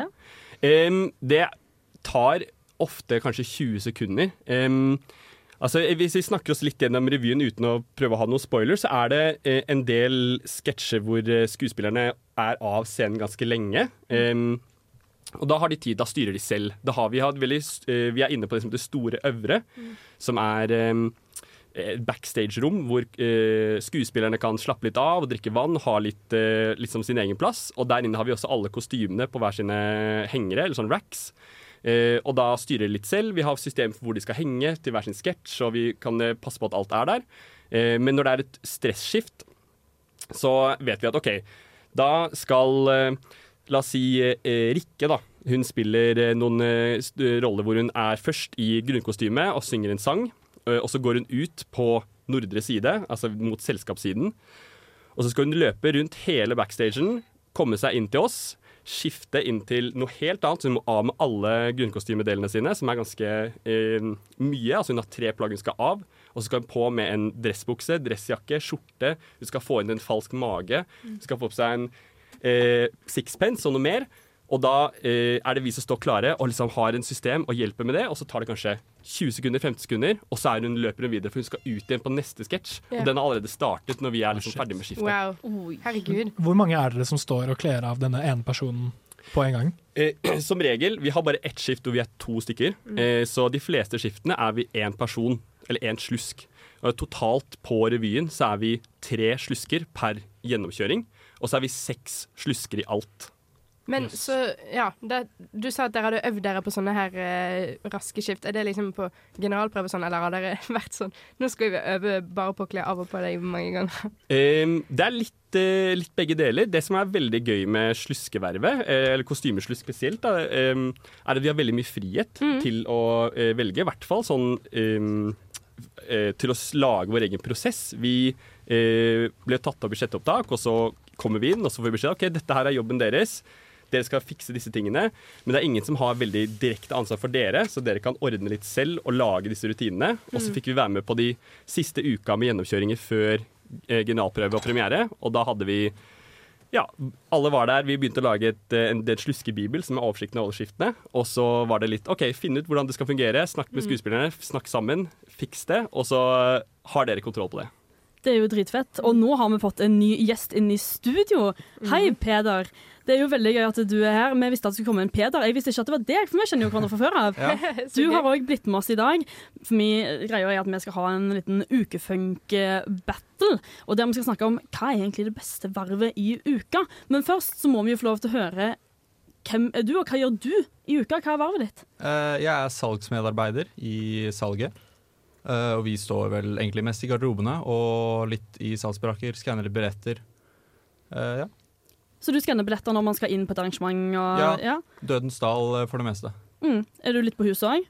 Ja, akkurat i dag, så jeg er egentlig på jobb nå. Eh, så sitter jeg og gjør om billetter i, på venstresiden av hovedinngangen på huset. Sånn hvis man skal gjøre om fra medlem til ikke-medlem? Ja, sånn, eller hvis du, vil kjøpe, hvis du vil kjøpe billett bare fordi du ikke har billett på huset, liksom. Ja, fatter. Og i garderoben òg. Ja. Mm. Kanskje du kan fikse billett til Mathias her, for han eh, Kan du gjøre min eh, ikke-eksisterende inngang på huset i dag til en eksisterende billett? Han er veldig desperat. Du kan få et bilde av hunden hans, for det er det han eh, selger det inn med. Ja. Ja, altså, jeg vil bare skyte inn her, da, hvis man uh, tenker ah, shit, inngang på huset, det er noe jeg har lyst til å ha. Eh, kostymeslusk. Vi har inngang på huset hver gang vi jobber på revy, og det er nesten alle revyene. Så du får en av de eh, free pass. eh, Ja. ikke at man skal misbruke det, men du jobber veldig mange av revyene. Som Ja. er veldig mange av dagene i uka. Det er life hack. Ja. Har dere noen eh, hacks og noen fordeler i Ja, sjalen Ja, hacken min i dag er jo at jeg har, fort, jeg har inngang på huset etter jobb, så da kan jeg chille på huset så mye jeg vil. Nice, for når er du ferdig på vakt? Jeg er ferdig i åtte. Det er digg. Ja. Ja.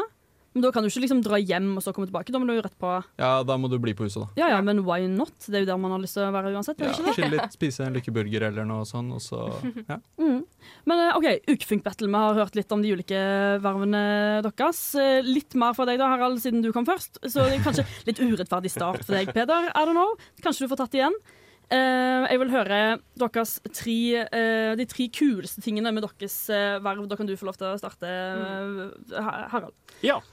Eh, de tre kuleste tingene sånn rett av eh, jeg, si, som jeg kom på Altså, jeg syns det er utrolig gøy å jobbe i en sånn, et sånt verv her hvor- få sjette opptak. Jeg var litt usikker på om jeg skulle være med. Hvor jeg får så mye frihet. Vi er seks stykker, som er en liten gjeng. Vi blir veldig sammensveisa. Får vi masse frihet til å legge opp vår egen rutine og styre på en måte vår egen eh, vakt og hvordan vi skal gjøre det og hvordan opplegget er. Det syns jeg er kjempeålreit, og det gir liksom litt eierskap til rollen.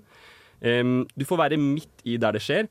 Fordi eh, revyen er superintens, og bak scenen så skjer det masse greier. Og du får lov til å bli godt kjent med skuespillerne fordi at du hjelper dem å kle av på. Du snakker masse med dem i pausen. Du er liksom inne i hjertet av revyen. Og så vil jeg si at uh, i, uh, Som kostymeslusk så er du en del av kostymegjengen.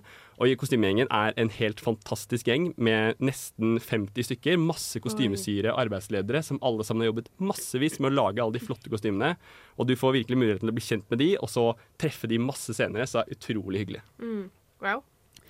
OK, Peder. De tre kuleste tingene med å være Sorry, hva var stillingen din igjen? Salgsmedarbeider. Salgsmedarbeider. Hva er de tre kuleste tingene med å være salgsmedarbeider? Eh, ja, det er jo at når du sier du jobber på å skanne billetter i Dødens sal, og hovedparten av folkene har kommet inn, så kan du jo gå og se på konserten og bare chille, luske litt rundt. Og så får du jobbe på alle steder. Jeg har jobbet på uh, Dødens uh,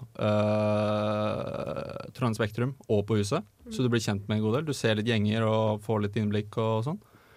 Eh, ja, så er det en god gjeng. Vi er større enn dere, da. Eh, så jeg vil argumentere for at du får eh, bli kjent med masse folk. Ja, for dere er jo i ulike ja, Du er jo sikkert i kultur. Eh, kultur, og så er det revygjengen. Så det er ca. 200 i revy, da. Ja, og i salget, det er jo ganske stort. Det er under Er det under Det er under økonomi økonomi, så Ja. det er under de mindre gjengene, for så vidt. da. Eller Ja. gjengen eh, Ja. Mm, men hvor, hvor mange er dere? Jeg tror vi er rundt 70-80 stykker. Ja, Det er jo ikke rent få, det heller. da. Nei. Finner dere på mye gøy i gjengene deres når dere ikke er på vakt? Ja. Vi hadde mye fadderuke før, uh, før uh, uka, Mm. og så finner vi på ting her og der under uka. En egen fadderuke for salget? Egen fadderuke for salget. Det er fett. Hva gjorde dere da? Hadde dere liksom uh, Ja, var standard uh, fadderuke, så mye hybel til hybel og forskjellige leker. Anything but clothes Nei, hva var det? Anything but black and white party eller noe sånt, tror jeg. Ah, Oi. Ja. Kult. Gjør dere mye gøy utenom eh, vakt? eh, Harald? Jeg syns vi gjør veldig mye gøy. Eh, dessverre så kan jeg ikke skilte med fadderuke, selv om det virker kjempegøy. Eh, når vi eh, ble med, så var jo kostymesying godt i gang. Da jobbet de 32 timer i uka eh, med kostymesying. Men vi fikk veldig mye god mulighet til å være med de på sysal, bli kjent med de der, være en del av den prosessen. Jeg lærte meg å sy, kunne ingenting om å sy. Nå har jeg sydd på industrimaskin og overlockmaskin og symaskin Wow. og alt mulig rart. Det er et pluss. Ja, og, eh, og det er en utrolig liksom, sosial gjeng i revyen nå når revyen står på, for det er så utrolig mye som skjer, og det er veldig mange vakter. Og er etter vakt så er det alltid mye sosialt som skjer. da. Mye mange folk som ja, skal vi ta en pils eller slappe av, eller bare chille etter man har fått til noe sammen. da. Nå syns jeg det har kommet ekstremt mange gode argumenter på hver side. Kanskje vi skal uh, høre en låt, og så kanskje kåre de vi mener Oi. er vinneren etter den låta. det synes vi er en veldig god plan. Ja, let's do it. Da skal vi høre Electric Relaxation med A Tribe Called Quest.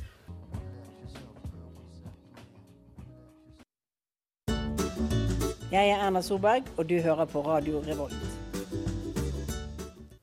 Det gjør du. Klokka nærmer seg halv seks på lørdagen, og du hører fremdeles på lørdagssenderen med ukesenderen.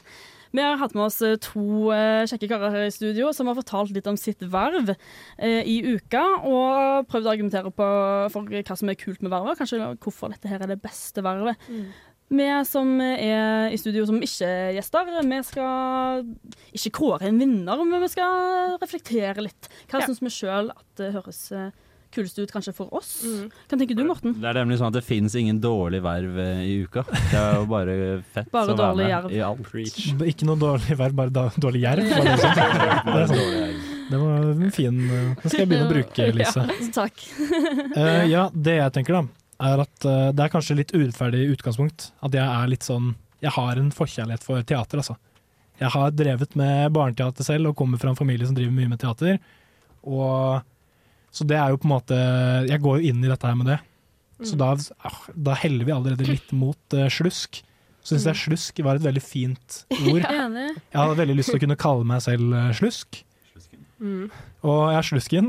Sluskepjusken. Og i tillegg så tenker jeg at det å kle av og på seg selv og eller andre uh, er en ferdighet man får bruk for i forskjellige faser av livet. Ja. Eh, ja. Og det er noe man blir jævlig god på av å ha vervet ditt, da, tenker jeg, Mm. Harald. Ja. Så det, jeg, jeg går for slusken, jeg. Jeg tror jeg eh, For det var det jeg òg tenkte. Jeg bruker veldig mye av tiden min på fri, fritiden min på revy. Og bandsjef i revyen på min linjeforening. Så det er revy jeg eh, som er liksom, har veldig stor plass i hjertet mitt. Så jeg tenkte at et, et eller annet med revyen, det er uansett gøy. Men eh, ja, så jeg syns det var vanskelig å velge. Men til syvende og sist så syns jeg at uh, ukesenderen er det beste vervet, da. Jeg syns at vi gjør de aller gøyeste tingene, men ja. Runk. Ja, For det vidt- var for så vidt sant. Runket meg Runk, runke, men sant. Jeg vil kanskje si salget. Fordi, eh, som Harald sier, at det er seks uh, stykker. Det er altfor få mennesker for meg. Jeg trenger uh, å ha sosial stimuli og input hele tiden. Jeg hater å kjede meg og hater å være alene. Så salget. Mm. Uten tvil. Uten tvil, takk. Så ser det, det ser sikkert bedre ut på LinkedIn at du har vært salgsmedarbeider spørsmålstegn, enn Ja. slusk. Og at Ja. da slipper jeg å stå i en sånn situasjon som jeg er i nå, uten billett til inngang. Fordi eh, den trenger jeg. Den vil jeg ha. Jeg vil bare skyte litt på det med CV-snacks, da. Altså, dette er jo tross alt en av kanskje Norges største revyproduksjoner. 25 000 som ser på, og 30 forestillinger. Det er, du må bare vinkle det på den måten, så ser det plutselig ut som du har vært med på noe utrolig utrolig stort. Og det er det jo også. Det er kanskje den største liksom, forestillingen man setter opp hvis man ikke driver med profesjonelt teater. Da. Du sier noe der du, Harald. Du sier noe der. Igjen så er jo det den største kulturfestivalen i Norge, og så vi selger jo mest billetter, regner jeg med, da. Med x antall millioner i overskudd takket være salget. Nå kan, kanskje, Ja. nå kan kanskje Elise si hva hun eh, ville valgt for seg selv, før temperaturen blir altfor høy her. Ja. Jeg føler meg som hun P2-programlederen. Kanskje jeg skal senke temperaturen litt, da, fordi jeg er veldig eh, conflicted. Det er jo veldig gøy å å si kle av og på folk. Eh, nei, det var litt feil. eh, Det er er lørdag. Det er. Det er, virker jo veldig gøy at det er sånn OK, det er revy, og så skal folk av og på, og jeg fungerer veldig godt under stress. Eh, så jeg tror at det tror jeg hadde vært flink, altså. Eh, bruker også mye tid på å kle av og på meg sjøl når man ikke vet hva man skal ha på seg og sånn. Mm, bare at eh, i det vervet så vet man jo akkurat hva folk skal ha på seg. Eh, Så det virker veldig veldig gøy. Samtidig så virker det sykt nice å kunne sitte og skanne billetter, for så å ta seg en tur rundt og se på disse showene og konsertene og Mm. hele pakka. Det syns jeg virker kjempenice. Det er jo mega peak fordel med vervet. Ja. Mm, så jeg, jeg vet da fader hva jeg hadde valgt, jeg. Men jeg sier som Sol. Ja, In the end så er det jo kanskje best å være ukesender. Ja. Runk, Ja. runk, runk, runk. Eh, Jeg har et, spørsmål, et siste spørsmål til deg, Harald. Føler du at du har blitt bedre på å kle av og på deg? Går det fortere i snitt å ta på seg klærne på morgenen? Eh, nei, ikke egentlig. Jeg er alltid Oi. veldig dårlig på morgenen, men eh, jeg har mistet litt sånn intimgrenser i forhold til sånn å kle av på folk, så det er kanskje problemet heller, da. Ja. Eh, Så du har, du har gått inn på uka.no og huket av den boksen med seksuell trakasseringspolicyen? ja, eh, ja, ja. Etter det så ble det liksom sånn Det ble for intimt, da. Ja, fuck. Men får du av og til sett litt pupp? Eh, nei, Som et har siste argument for sluskevervet. Har du sett? Eh, ikke ennå.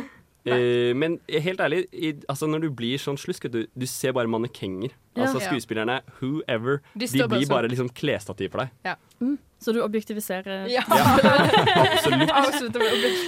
Ja, men Det er ikke dumt. Men også, det virker jo veldig kult å kunne være en slusk. Det finnes jo flere hver uke som har liksom slusketittelen. Men kunne ikke vi hete sånn radioslusk, da? Ja, jeg tenker det til, neste, til neste ukesenderen så heter Radioprater eh, Radioslusker. Kanskje det hadde vært noe? Ja. Det Ja. tror jeg kunne vært eh, veldig fett. Og da sier vi tusen takk for besøket, Harald og Peder. Vi skal høre en låt, 'All The Time Even When', med Fie.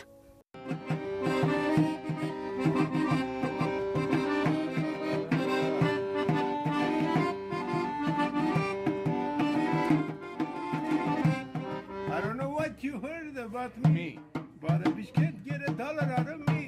Don't try to hit no bird you can't see. I am a motherfucking PIM.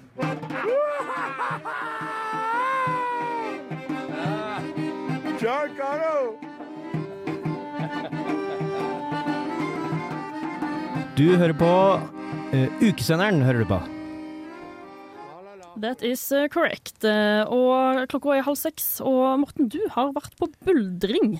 Det stemmer. Jeg var på Grip-sluppen og fikk, uh, fikk prøvd meg. Jeg fikk, jeg fikk rett og slett kickstarta min buldring. Mm. Uh, spilte inn et kjapt lite intervju sammen med Marie Åke Aanes.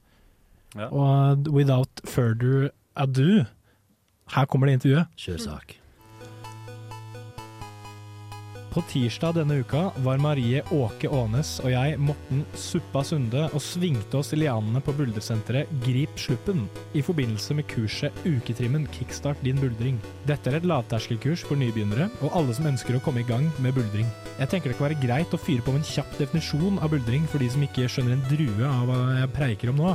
Buldring det er klatring uten tau, på store steiner eller lavere klippevegger, eller kunstige formasjoner laget for å ligne på slike steiner eller klippevegger. På Grip Sluppen er det verken store steiner eller lave klippevegger, men kunstige formasjoner for å ligne på slike steiner eller klippevegger er det plenty av. Da vi var på kurset, var vi så heldige at vi fikk et lite intervju med en av kursholderne, og det intervjuet, det får du nå. Da er vi på nybegynner klatrekurs på Grip, Sluppen, noe sånt Ja. nå. Ja, det er klatresenter, og vi står her med en som er veldig god til å klatre. Hva heter du?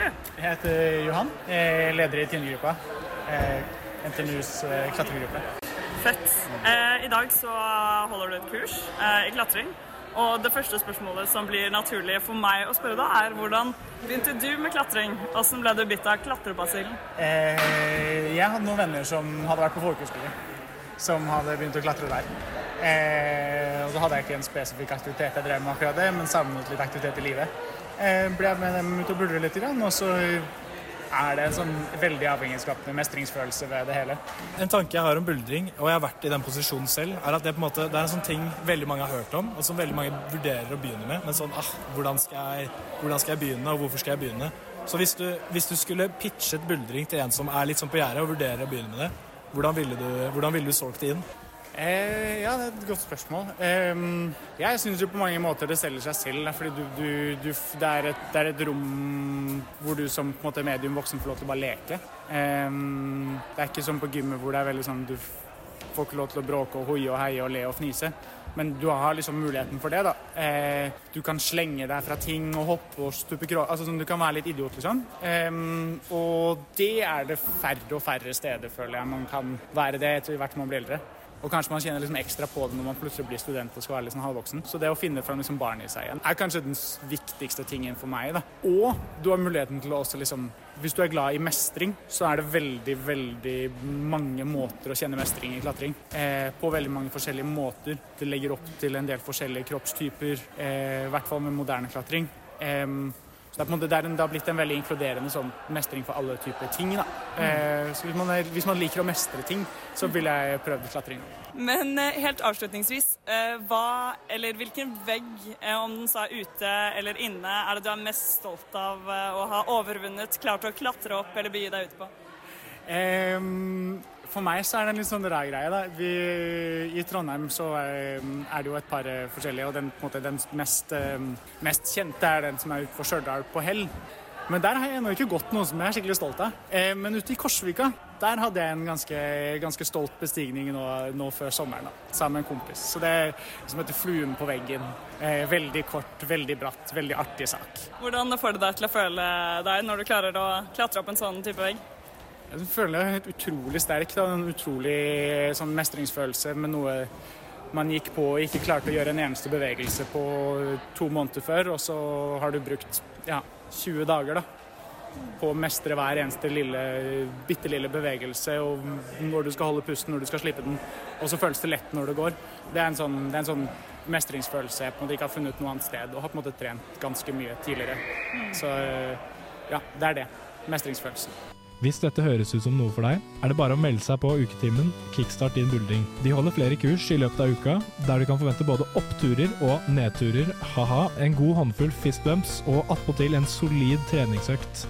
Nå ønsker jeg eh, programmet som har sending akkurat nå, velkommen tilbake. Takk skal dere ha. Takk skal dere ha.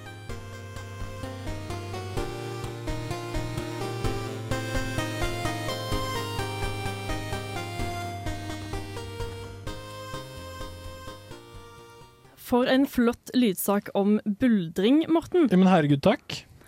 Det var sikkert veldig gøy for deg å, å prøve deg litt på nybegynnerbuldring, selv om du har blått, blått belte i buldring. Yes, Blå det var løype. gøy å bare late som at jeg var skikkelig Jeg, var som, jeg lot som at jeg var helt elendig, og så bare fyke opp den blå løypa. Og mm. sånn, Hvordan gjør man det her, egentlig? Bare imponere alle som var Ja, med. herregud. Men eh, Mathias, du har tatt med deg noe i dag. Hva er det du har tatt med? Jeg har tatt med meg uh, ukevinen. Oi. Sprekk! Mm. ja, ja. Uh, og den skal dere få først og fremst høre på nå. Åh, deilig. Bare ta ned mikrofonen så dere hører den. Nå skal Mathias åpne flaska. Jeg liker sånn her lyd. Wow. Skål, da. Hvilken type vin er dette? Uh, det er en vin med ganske mye garvestoff, tror jeg. Men hva Eh, heter den? Vinen heter jo som seg hør og bør sprekk, da. For det er liksom ukevin. Så da, Hvilken, ja. hvilken drue? Uh, det, er spansk, det er spansk vin, så det nekter jeg å uttale meg om.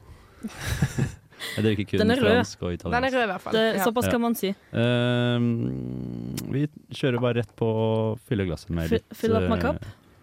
Litt rødt. Oi, Forhåpentligvis oi, oi. blir dette her litt bedre enn blå bitch slap pre-workout. Svært flott eh, farge. Det her ser ut som noen saftige bær. Er druebær? Uh, Tusen takk. Jeg spør ikke for å være en kjip besserwisser, men jeg bare Morten, spør. En drue er uh, en drue. Kan jeg få lov å smake noe? Jeg lurer på om det kanskje er en stenfrukt, jeg. Jeg bare Jeg, jeg kalte en drue en drue. Skal jeg, kan, skal jeg vente på dere, eller kan jeg smake noe? Jeg føler meg nei. plutselig veldig vintørst. Hold dine hester, Mm. sier jeg da. Hold your horses. Ja. Thank Bare you. på godt norsk. Skal vi lukte litt først? Ja, den luktet veldig godt. Mm. Mm. Ja, den lukter faktisk godt, ass. Ja, den gjorde det. Den lukter Den er- som at den har blitt dyrket på et uh, landskap med godt jordsmonn. Jeg syns, jeg syns den var veldig blå, blålig. Ja, Mm. det er det jeg snakker om, at det er fine Du er sikker på at det ikke er noe Det er ikke noe sånn enhjørnings-precum igjen Ja, i det koppen? var det. Mm, dette er Nei, jeg skylte koppen min. ikke en bitchlap-vin. Jeg Mm. tenker vi smaker det. Let's go. Oh. oh. den var god. Den var god. Mm. Den slappa meg i trynet, den òg, på et vis. Oh, ja. Men jeg skjønner hva dere mener med at den, det her var, det var Garvorama, da. Mm. Det, det, det, det smaker jo hodepine de luxe. Hva, hva mener du med det? godt. Garvesyre er sånn Det er et eller annet i vin som gjør at man får Det fins også i kaffe og sjokolade og te. Da ble hele livet mitt ødelagt. Kødder du? Ja, jeg har nesten aldri vondt i hodet, så det går bra. Men eh, Skal man, skal få vi si noe om fortelle litt om det. Ja, Forklar fordi- meg hva ja. dere smaker. Ikke bare si 'oi, den var god'. Ja, men jeg klarer ikke å være sånn Å, den lukter fruktig og litt uh, wood, eller noe sånt. Jo, Går det an det hete wood? greier jo det, hvis det, hvis det er det hint du lukter. Det gjør jo. Hvis Ja, det er et hint av drue oppi denne her. Det Det smaker jo vin. smaker, Rødvin. det smaker uh, som en eiketrehytte. Men ifølge etiketten så er jo denne her 13,5 god, da. Ja, men vet du hva? Det Det var han faktisk òg. Jeg likte den. Mm. Hva er det Det de sier, da? smaker, eh, Smaker Iben, et skateboard laget med Ibenholt. Mm. Mm. Ja, men man får litt sånn fornemmelser av lær. Smaker litt hanske. Det er dette, ja. ja, det er dette jeg ikke kan uttale meg Er det litt sitrus oppi? Nei, det er det ikke. Nei, det er det ikke. Men- Kan, kan, er det noen i studio her som kan litt sånn vinteknologi og Uh, smaking? Jeg, jeg, jeg prøver fordi jeg følger en sånn vindam på TikTok, uh, som er veldig bra. Ingvild. Tentfjord. Men uh, jeg har ikke smakt nok eh, digg vin sjøl. Fordi altså, er man student, så tar man jo kanskje litt sånn billigvin, da. Mm. Ja. Ja, jeg tror bare ikke Jeg tror jeg kommer til å bli en ordentlig snobb på det her på et eller annet punkt i livet, men akkurat nå så har jeg ikke Fast nok økonomi eh, til det. Ja. Ja, det var det, Det eneste jeg vet om sånne vinbegrep og sånn, for det er bare én vinfyr jeg ser på, og det er Aron. Aron er mat. I vin og rep. Nei. Ja. Men jeg tror Fra at denne Bergen, vinen er litt selvfølgelig. rund. Ja, det, ja, ja, ja. Nei, jeg vet bare at uh, den er rin, i hvert fall. Som er rett i nebbet. Rett i nebbet. Rett i nebbet. Rett i Denne vinen er rett i nebbet. Rett i koppen. Rett i Men det, nebbet. det er ikke lov å promotere andre viner enn ukevinen? Mm. Jeg har ikke gjort det. Det er bare en vinsmaker. Å ja. Ja. Det er ikke lov å promotere andre vinsmaker enn Å de i studio. Nei, Nei, nei, han ja. Men Sol, prøv, da. Hva er det du smaker?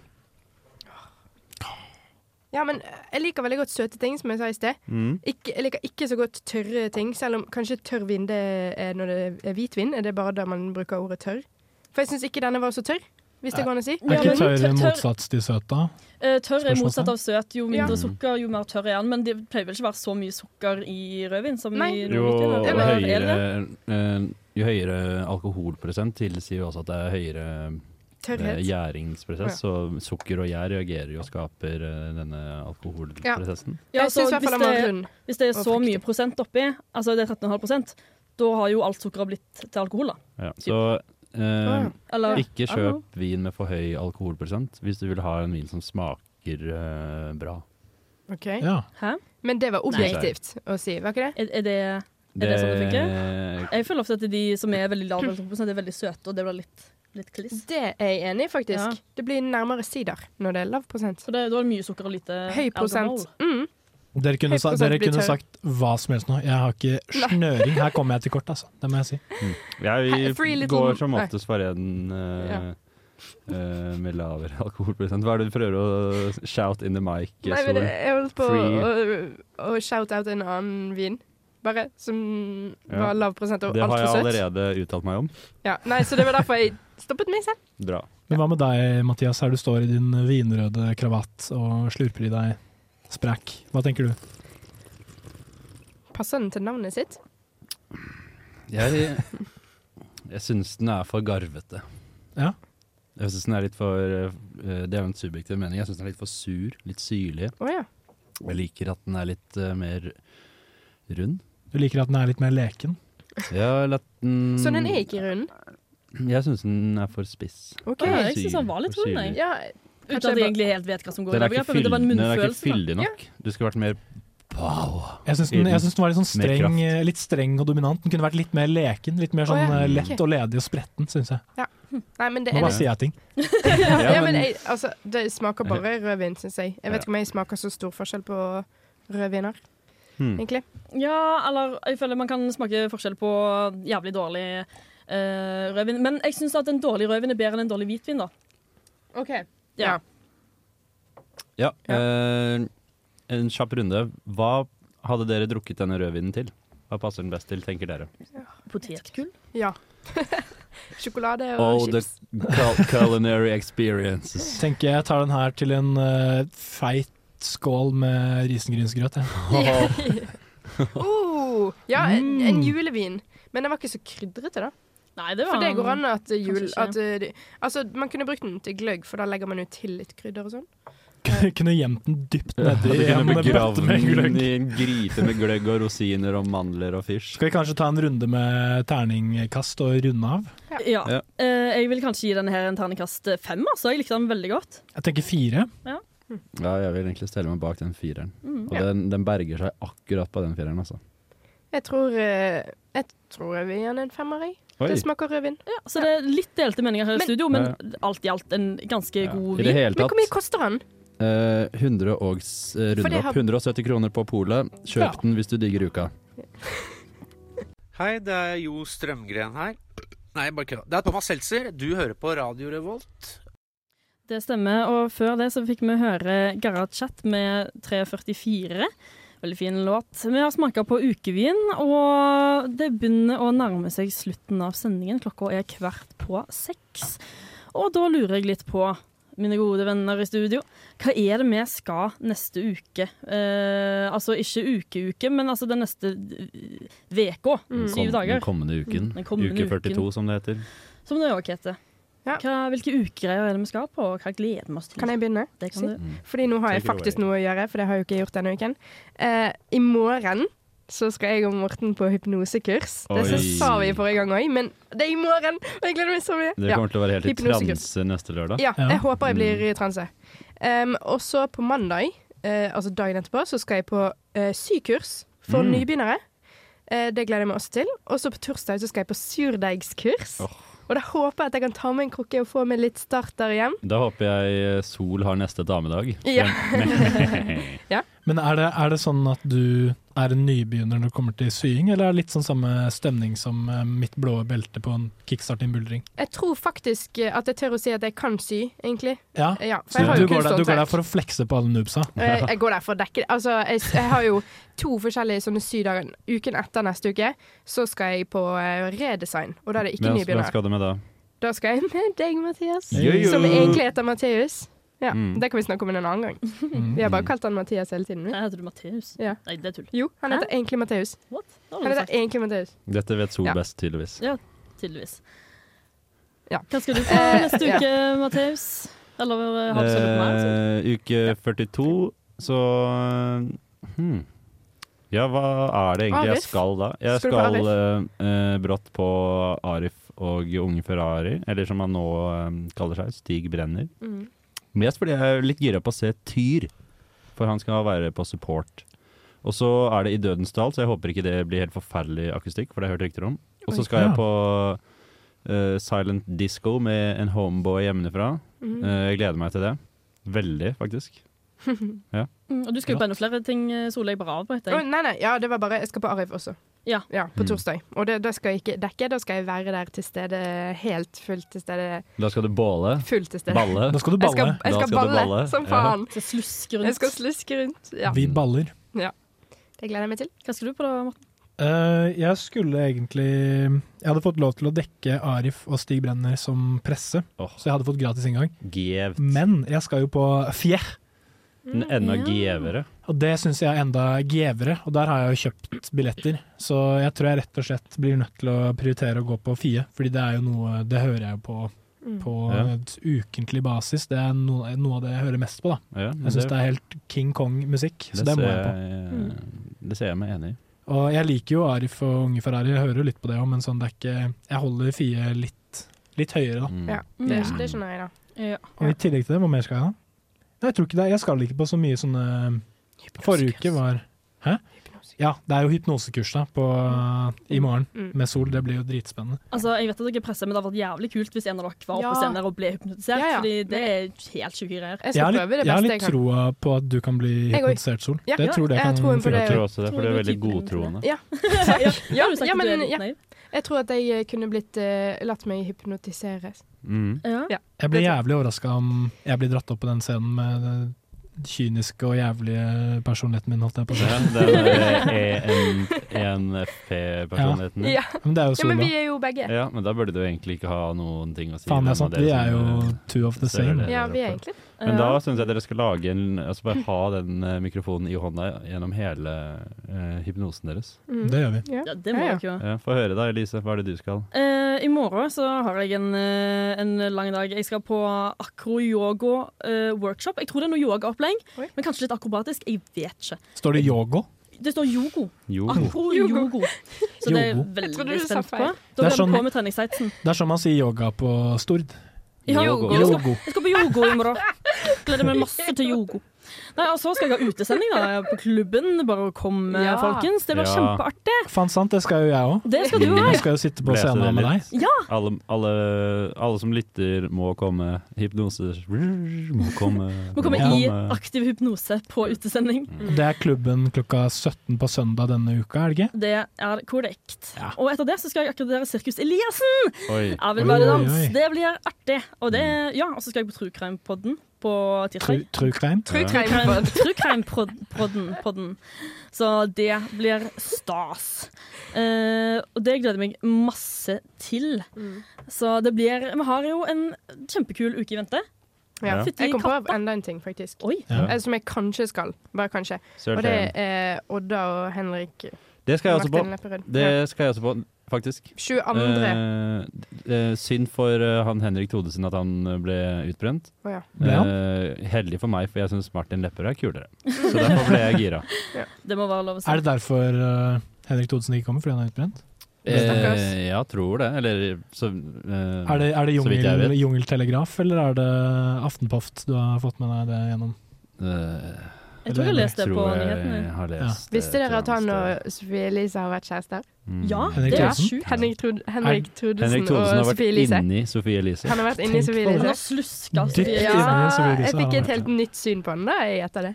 Jeg kan ikke se for meg de to sammen i det hele Nei, det var det. Er, de, de kan umulig være like gamle? Eller Ja, det var derfor, for jeg tenkte at han var eldgammel, men han er jo ikke det. Ja, Han er jo ikke det. Han er, ikke- han er ikke Elise frisk og ung. Han er jo en mann i sin Ja. nest beste alder. Sofie, Sofie Elise pusha 30, men det var jo nummer 23 eller 4, tror jeg. Ja, det Og da var vel han 30 et eller annet. Ja. Hmm. Men det er ikke første gang man har hørt om et uh, aldersspring Nei. i uh, celebre forhold. Det er, det er helt sant. Ja. Det er helt sant. Mm.